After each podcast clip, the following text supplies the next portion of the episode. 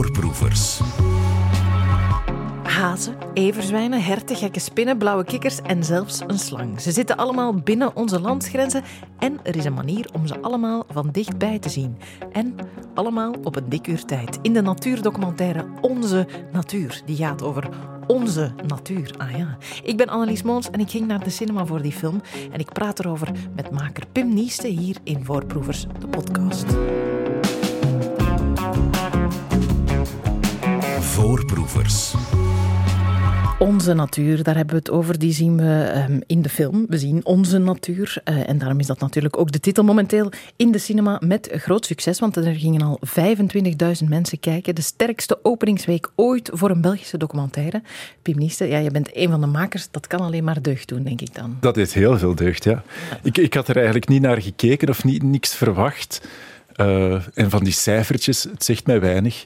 Maar gewoon het bericht van het spreekt wel aan en mensen komen in redelijk grote getalen. En vooral, het, het publiek is heel gemengd. Je hebt, je hebt jonge kinderen, je hebt uh, de oudere leeftijd die ze ook aangesproken worden. Dus uh, dat vind ik eigenlijk vooral nog het belangrijkste aan onze natuur. Ja. Brengt die generaties samen. En ik hoor heel veel mensen die zeggen die al eens komen kijken zijn en zeggen van mijn kinderen, ik pak ze mee.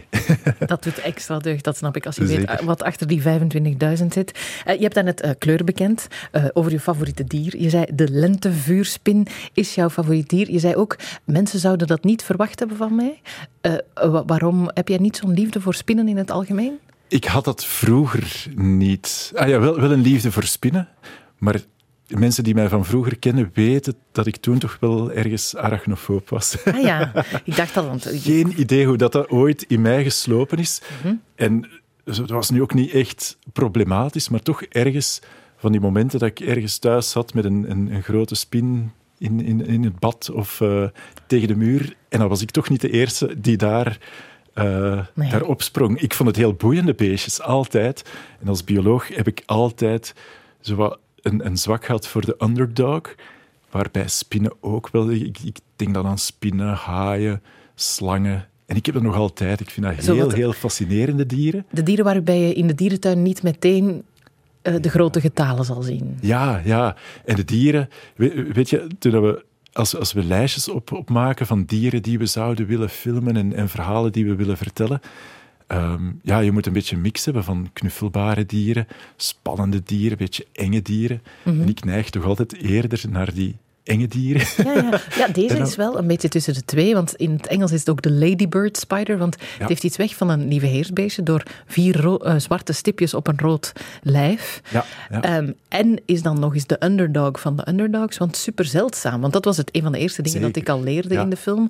Uh, wij hebben ook hier dieren uh, die zeer zeldzaam zijn, zoals die lentevuurspin. je had er ook nooit van gehoord voor je, voor je ging op zoek naar ging? Oh, jawel, jawel. Ah, ik, okay. die stond helemaal mijn lijstje. Ik ah, zal ja, misschien okay. degene geweest zijn die gepusht heeft om die erop te zetten dat die absoluut gefilmd mocht worden. En, uh, Want wat maakt die spin zo bijzonder?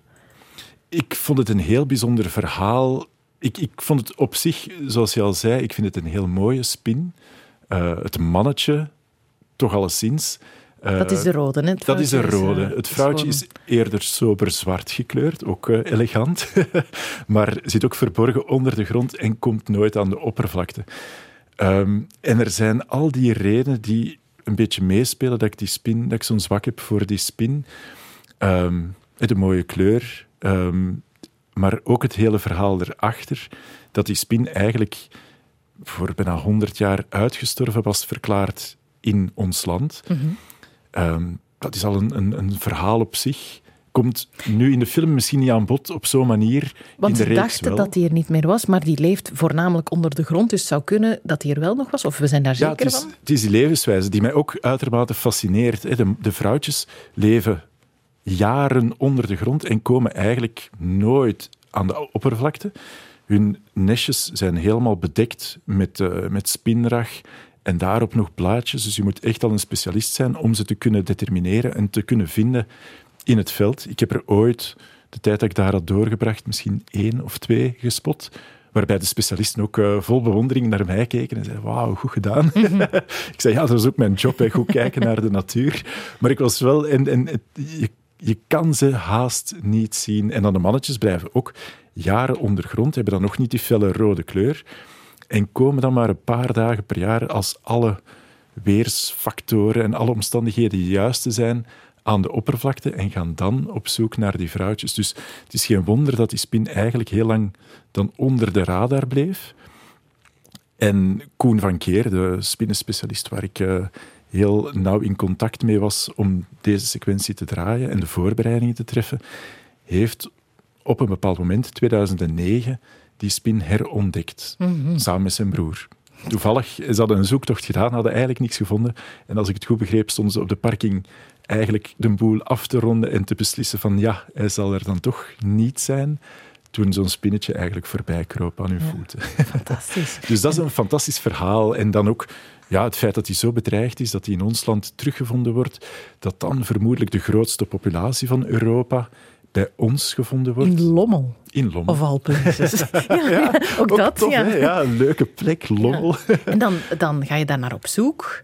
En dan tref je die ook nog wel op een extreem uh, bijzonder moment. Uh, we gaan even luisteren. Het mannetje van de lentevuurspin trekt voor het eerst op tocht. De eerste vier jaar van zijn bestaan was hij zwart en leefde hij onder de grond. Maar nu is hij geslachtsrijp en trekt hij de wijde heidewereld in op zoek naar een vrouwtje. Met sensoren op zijn poten zoekt hij naar de pheromonen van een vrouwtje in haar hol, want die komen nooit boven. Om dat spoor te vinden moet het warm, maar vooral windstil zijn. Het achterlijf trilt. Hij heeft een dreiging opgemerkt. Een ander mannetje. Dat is er één te veel. Want slechts één kan het vrouwtje bevruchten. Een kort titanengevecht.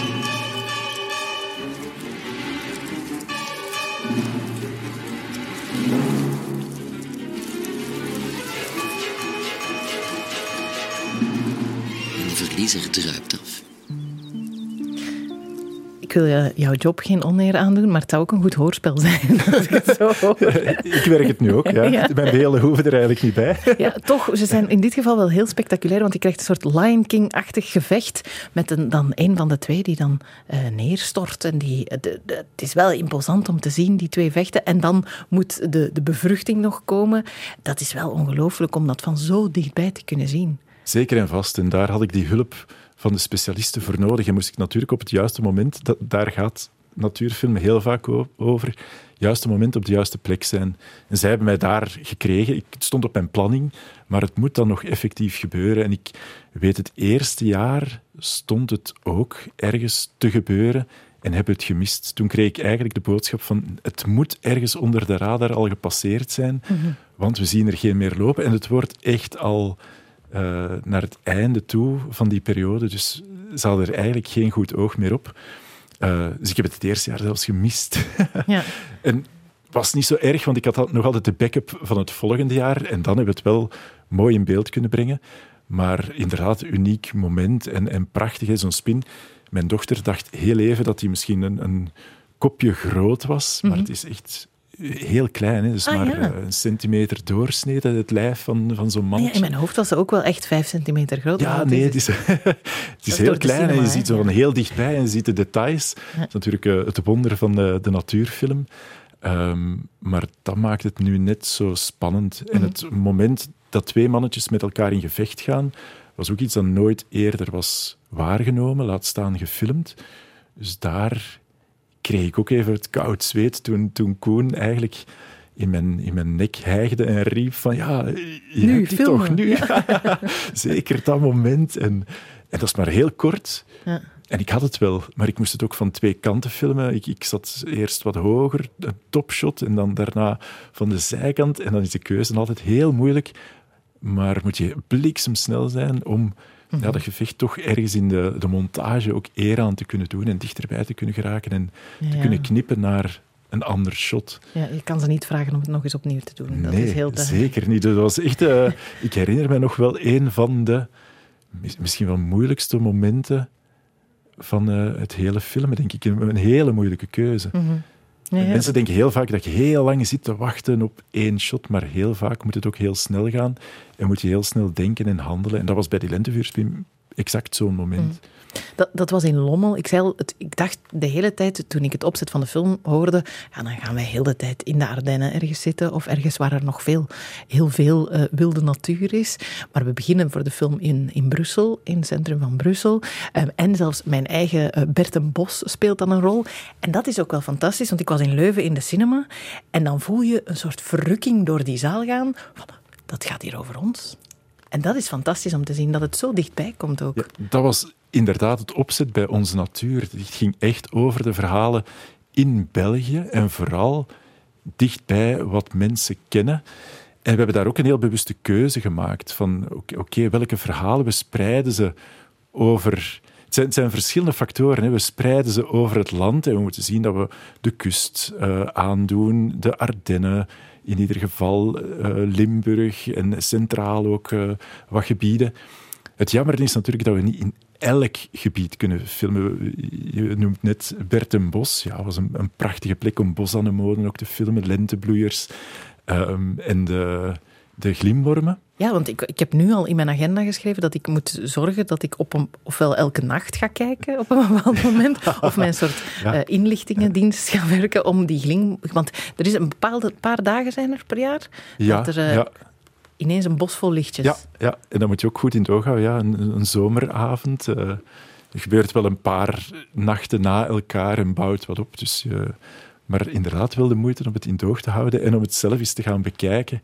En ik denk ook, dat is nu net de sterkte van onze natuur, dat we echt die natuur van het gebied achter de hoek tonen, om de hoek. En Um, ik, ik zei net, het is jammer dat we niet elk klein gebied hebben kunnen aandoen. Natuurlijk zijn we beperkt in tijd. Je wilt die verhalen um, uitvoerig in beeld brengen.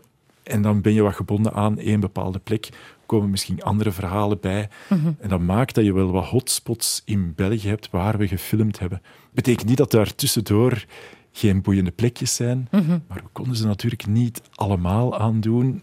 Gewoon omdat onze tijd en onze verhalen beperkt, beperkt ja, ja. zijn ergens. Ja, zeker. Maar we hebben ook tijdens het draaien heel erg de keuze gemaakt van die nabijheid van de mens ook te laten voelen en te tonen. Mm -hmm. Dat kan heel expliciet zijn, dat kan de echte stadsaflevering.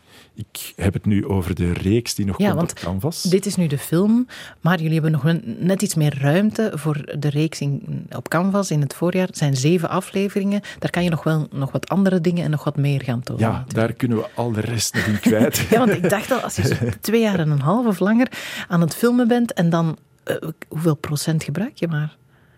Heel weinig. Heel weinig. Voor de film echt bitter weinig. Uh, ik, ik, durf er haast niet over na te denken. Het was ergens 2 procent, maar ja. dat is misschien heel veel pijn als ik dat zeg. Dat is een overschatting. ik, ik, heb er geen, ik heb er geen idee van, gelukkig maar. En ik weet wel, het zijn harde keuzes natuurlijk voor een film. Te, dat is eigenlijk ook een soort extractie uit al die verhalen die we oorspronkelijk gedraaid hebben voor de reeks. Um, ja, dus de reeks is al een, een opeenstapeling van keuzes en mm -hmm. harde beslissingen en uh, dingen die een beetje uit de boot vallen. Maar daar hebben we meer ruimte, meer tijd, geven die verhalen ook nog wat meer, uh, ja, meer kans om te leven. In de film gaat het iets sneller. Mm -hmm. En net om die specifieke verhalen ook die tijd te geven, ja, dan vallen er weer pijnlijke beslissingen te maken. Ja, ja, kill your darlings. Kill your darlings, ja, absoluut. Dat is altijd ja. de, dan, dan, de boodschap. Um, het, het, we hadden het over hoe dichtbij het allemaal komt en omdat het vlak bij ons gefilmd is. En dat valt mij ook op. Ik heb ook een jong kind. Je hebt, je hebt ook jonge kinderen. Soms denk ik, ik, of ik zal het anders zeggen, ik probeer boekjes te kopen die ook over dichtbij gaan. Je hebt net zo'n soortenschat, dat gaat echt over in je eigen tuin. Omdat ik anders denk, dan gaat hij leeuwen en olifanten kennen, maar dan heeft hij nog nooit een merel gezien. Uh, is dat ook wat, wat jou drijft voor dit, dit soort project? Ja, ik deel die vrees ook een beetje. Zodat dat, dat wij ja, natuurlijk kijken naar de documentaires die ons aangeleverd worden en wat in de boekjes staat. En vaak zijn dat toch grote, charismatische dieren. Gaat het inderdaad over olifanten, over leeuwen, over tijgers. En dat is fascinerend, dat is boeiend. En ik film ze ook heel graag. En ik heb het ook uh, graag gedaan in het verleden. Ik ga dat in de toekomst ook doen. Maar los van het feit dat we het ook over die kleinere dieren moeten hebben, ik spreek over ook wereldwijd en, en over die context. En dat ik dat vaak ook nog heel boeiende verhalen vind, vind ik het nog belangrijker om de verhalen dichter bij huis te kunnen vertellen. En daarom was het idee van onze natuur sprak mij dan zo aan. Omdat dat net hetgeen, hetgeen was waar ik vroeger al mee bezig was. Toen ik uh, afgestudeerd was als bioloog, daarna als filmmaker, mijn eerste stappen in de natuurfilmwereld zette, betekent dat voor mij een internationaal verhaal. Ik kon niet in België terecht met mijn idee of, of met mijn ambities. Dus ik ben ze gaan zoeken in Engeland en in Duitsland, waar echt zo'n wildlife mm kern ja, bestaat. Dat, dat, kennen wij hier niet. Hè? Ik, ik, was aan het denken en ik vroeg wat rond. Is dit nu niet dan de allereerste echte grote natuurdocumentaire in ons land? Ik denk het wel. Ja, dat, dit is nooit eerder op zo'n schaal en met zo'n budget en met die kennis van zaken gedraaid. En ik, had dan inderdaad um, geluk dat ik mijn expertise heb kunnen opbouwen in het buitenland. Mhm. En dat we daar rond die onze natuur reeks en film hebben kunnen bouwen ook. En met die expertise dan aan de slag gaan. En ik wilde heel graag wat ik in het buitenland kon, met alle middelen en alle tijd en alle, um, alle kennis van zaken die in Engeland leeft en die in Duitsland bestaat en in Frankrijk. En, mhm. ehm, die samenbrengen en, en toch hier iets tonen wat nog niet eerder getoond was. En ik herinner mij Ehm, lang geleden, als ik op Canvas iets zag over inderdaad een natuurgebied in België, en, en vond ik het altijd zo ja, ik, ik, wil niet zeggen triestig, maar een beetje te beperkt. Dat mhm. vond ik altijd een beetje jammer. Want ik zag die, die mogelijkheid en die, ja, die potentie wel in de Belgische natuur. Van als je hier die verhalen op zo'n manier in beeld kan brengen, als je daar tijd voor neemt, als we een groot budget kunnen samen rapen, want natuurfilm maken op zo'n manier vraagt geld en tijd. Ja, ja. En dat is niet altijd zo gemakkelijk. Met bij mij nog steeds Pim Niest, de maker, een van de makers van Onze Natuur. Ik zei net, Pim, eh, een beetje een seksfilm gemaakt, hebben jullie gedaan. Daar gaat het natuurlijk over eh, in, in de natuur. Ehm, ik zat gisteren in de cinema met een hele hoop kinderen. Het was woensdagnamiddag, die met hun grootouders in de film waren. En je kent dat ongemakkelijk schuifelen van die grootouders dan op sommige momenten. Uh, dat, ja, dat, dat, dat, is het doel natuurlijk van de natuur ook. Ik, ja, ik betrapte mezelf op dat, dat ik het niet zo door had dat er zoveel seks in kwam en zoveel geweld. Ja, het, ja, het is wel... Uh... Blijkbaar was het wel zo opvallend, want direct na de première kwam er ook iemand naar mij, op mij toegestapt die nauw betrokken was bij het project vanuit Agentschap Natuur en Bos. En die zei tegen mij, oh my Pim, nou was wel wat geweld en wat seks. Ja, zit allemaal achter elkaar zit natuurlijk. Ja, ja, en die momenten, ja, ik, ik ken ze natuurlijk. En ergens had ik het niet zo door dat we dat dan zo gecondenseerd hadden getoond. Maar er zit ook romantiek en wat rust en wat... Ja, en uh, zeer bijzondere uh, fenomenen, zoals een blauwe kikker. Of een kikker die blauw wordt wanneer het een moment is, laat ons ja, zeggen. Ja, het is ook weer seks natuurlijk. Het, gaat ook, het draait in de natuur vaak inderdaad om voortplanting, en, en dat zijn de verhalen die je kan vertellen en die je wil vertellen. Die kikker, het mannetje van de heikikker is dan, die, die kleurt ook maar een paar dagen per jaar felblauw. Net om de vrouwtjes uh, te imponeren, samen met het, het gekwaak en het uh, geworstel dat daarmee gepaard gaat. En inderdaad, als je die scènes of die verhalen kiest, ja, dan gaat het ook ergens om de daad op het einde. Maar soms gaat het ook over de zorg die daarna uh, moet gebeuren. Bijvoorbeeld, wat ik heel mooi vond, was de stekelbaars. Uh, ja, want daar heeft het mannetje een bijzondere rol. Um, ja, vertel jij het maar wat er gebeurt bij de stekelbaars. Ja, inderdaad, het mannetje, daar heb het verhaal verteld vooral van het mannetje, omdat die net die broedzorg op zich neemt.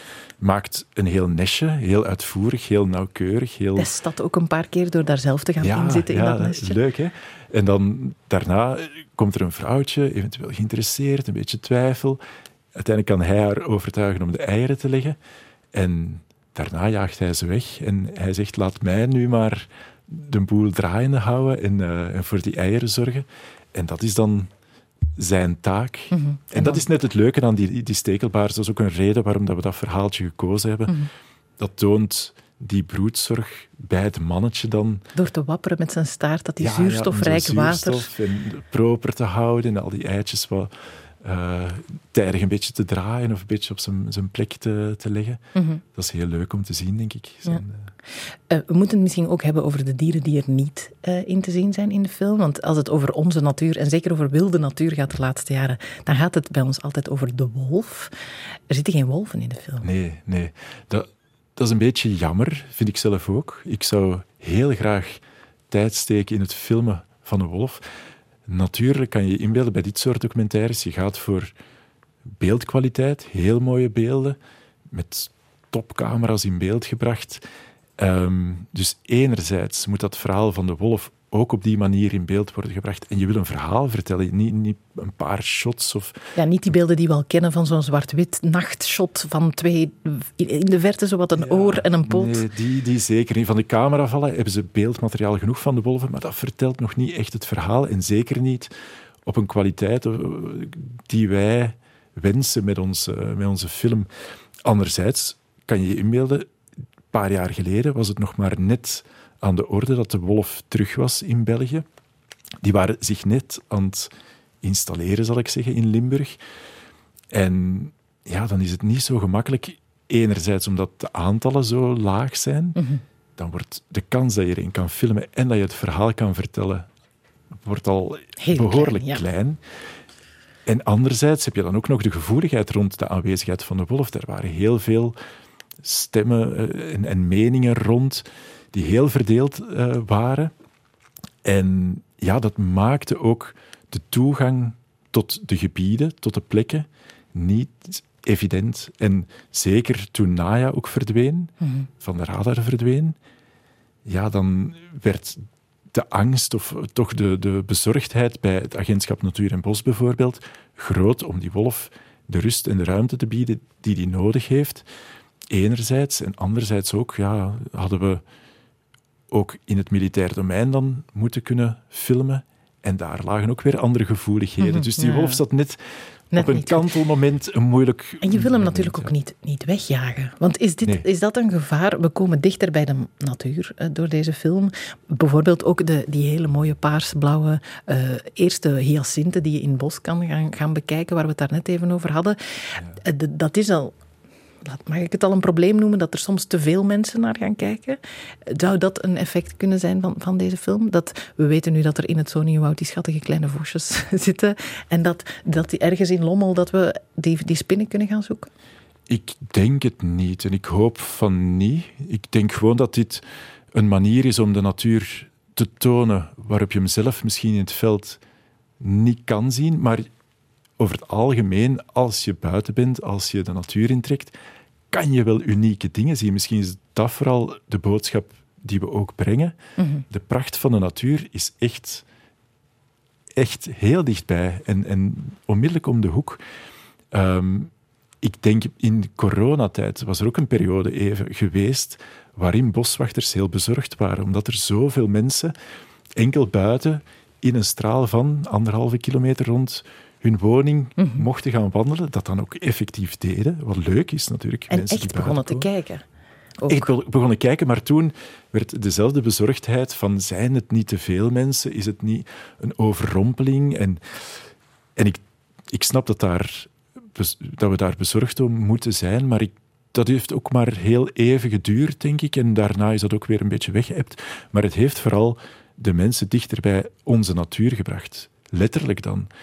En ik denk dat dat ook iets is dat de mens kan meedragen, ook naar kinderen toe. Van kom, hé, ik heb daar iets leuk ontdekt, het natuurgebied daar hebben we herontdekt. We gaan daar eens wandelen en we gaan kijken wat we daar allemaal tegenkomen.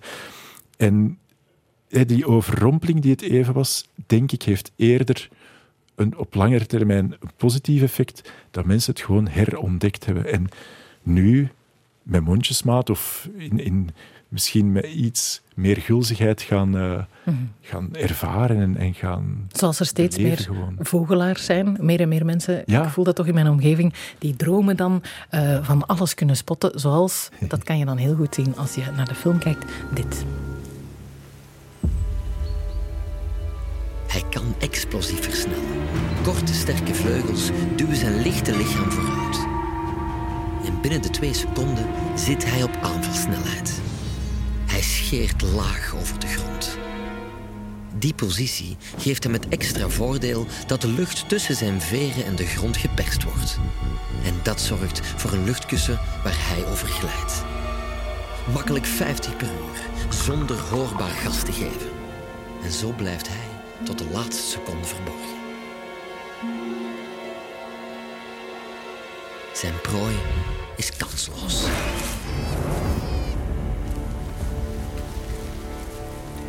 Je zei al dat er ook wel wat geweld eh, in de film zat. Dan is dat hier bij de Havik uh, zeker het geval. Ja, wat mij ook opviel was de, de technologische vooruitgang die dit ook heeft mogelijk gemaakt. Zonder drones en zonder van die high-speed camera's en timelapse dingen had je een heel andere film moeten maken, denk ik. Ja, wij hebben alles uit de kast gehaald.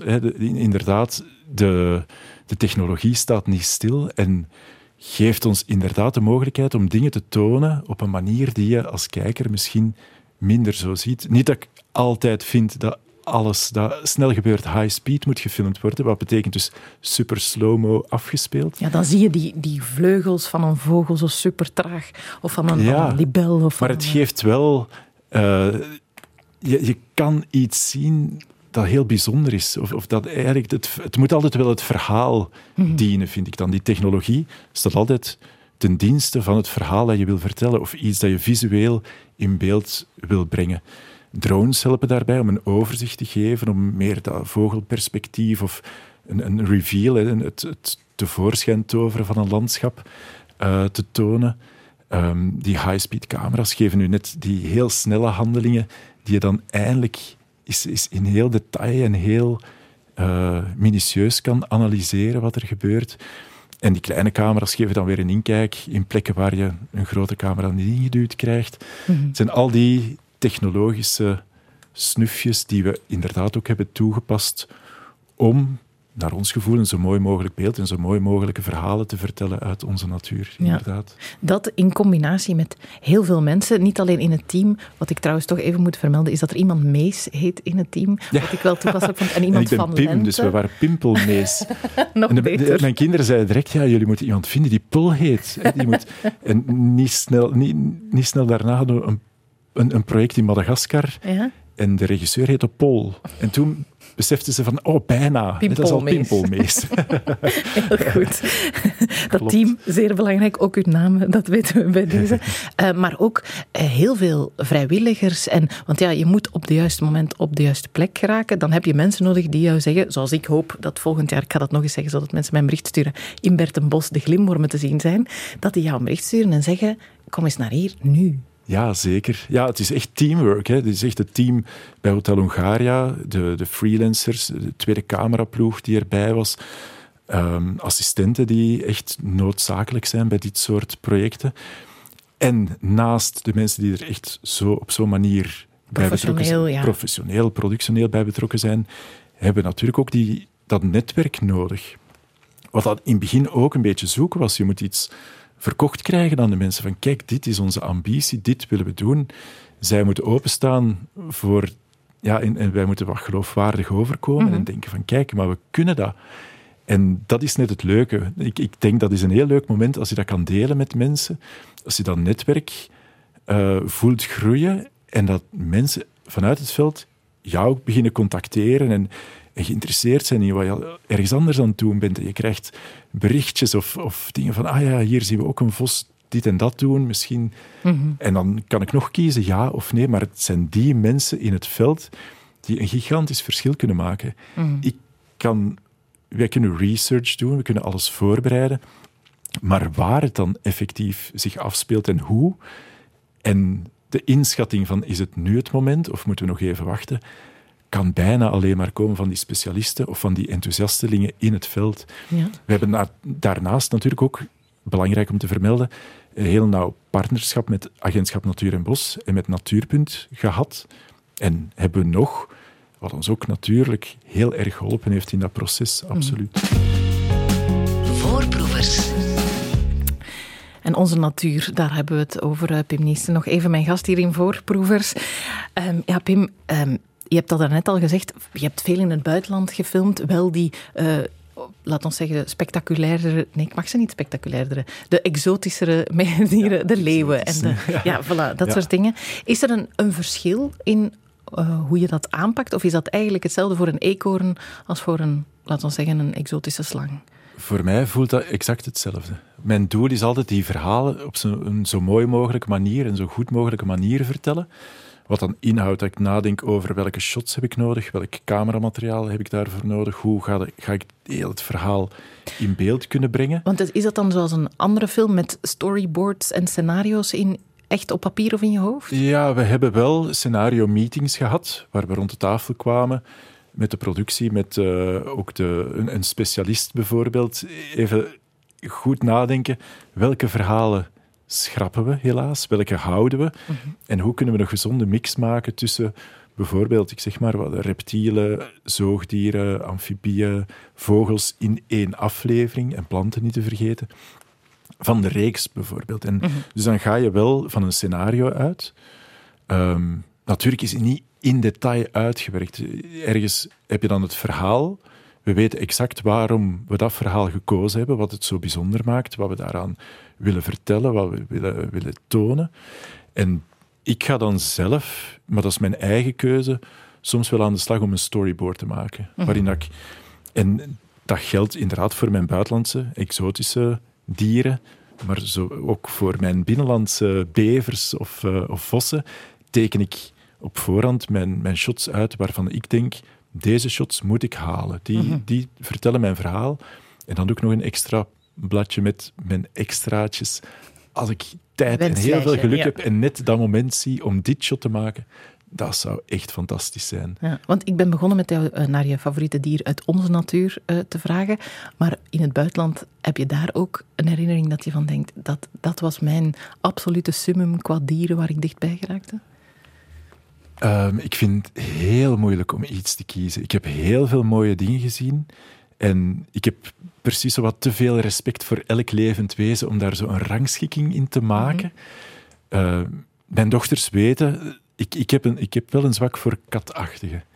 Ik heb uh, leeuwen, luipaarden, uh, heb, ik, heb ik gefilmd, puma's. En ja, ik, ik zie dat graag. Ik zie graag zo die blik in, in die roof, die, roofdierenblik, noem ik dat dan. En ik denk dat dat vooral is omdat ik mij dan als mens redelijk klein voel. Ja, want dan ben je wel misschien banger dan als je een eekhoorn aan het filmen bent. Het is wel spannender.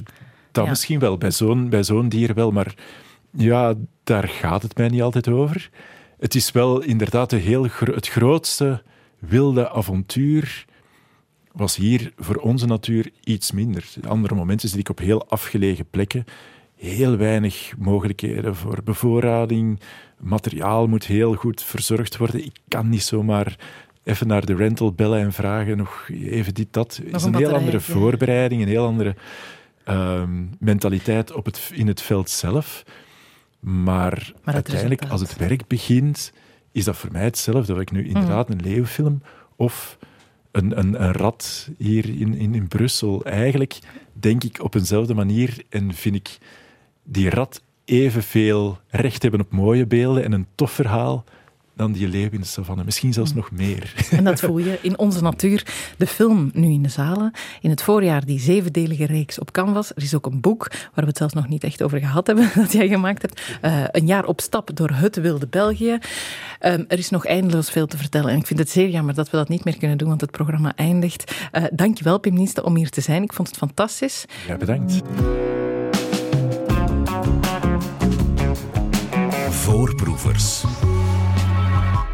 En nu dus naar de film, hè? want we kunnen erover praten zoveel we willen. Die beesten en die planten dan zien, dat is nog net iets leuker. Als je toch enkel je oren wil gebruiken de komende uren, dan zijn er nog afleveringen van Voorproevers natuurlijk via VRT Max en maandag tot donderdag ook op Radio 1.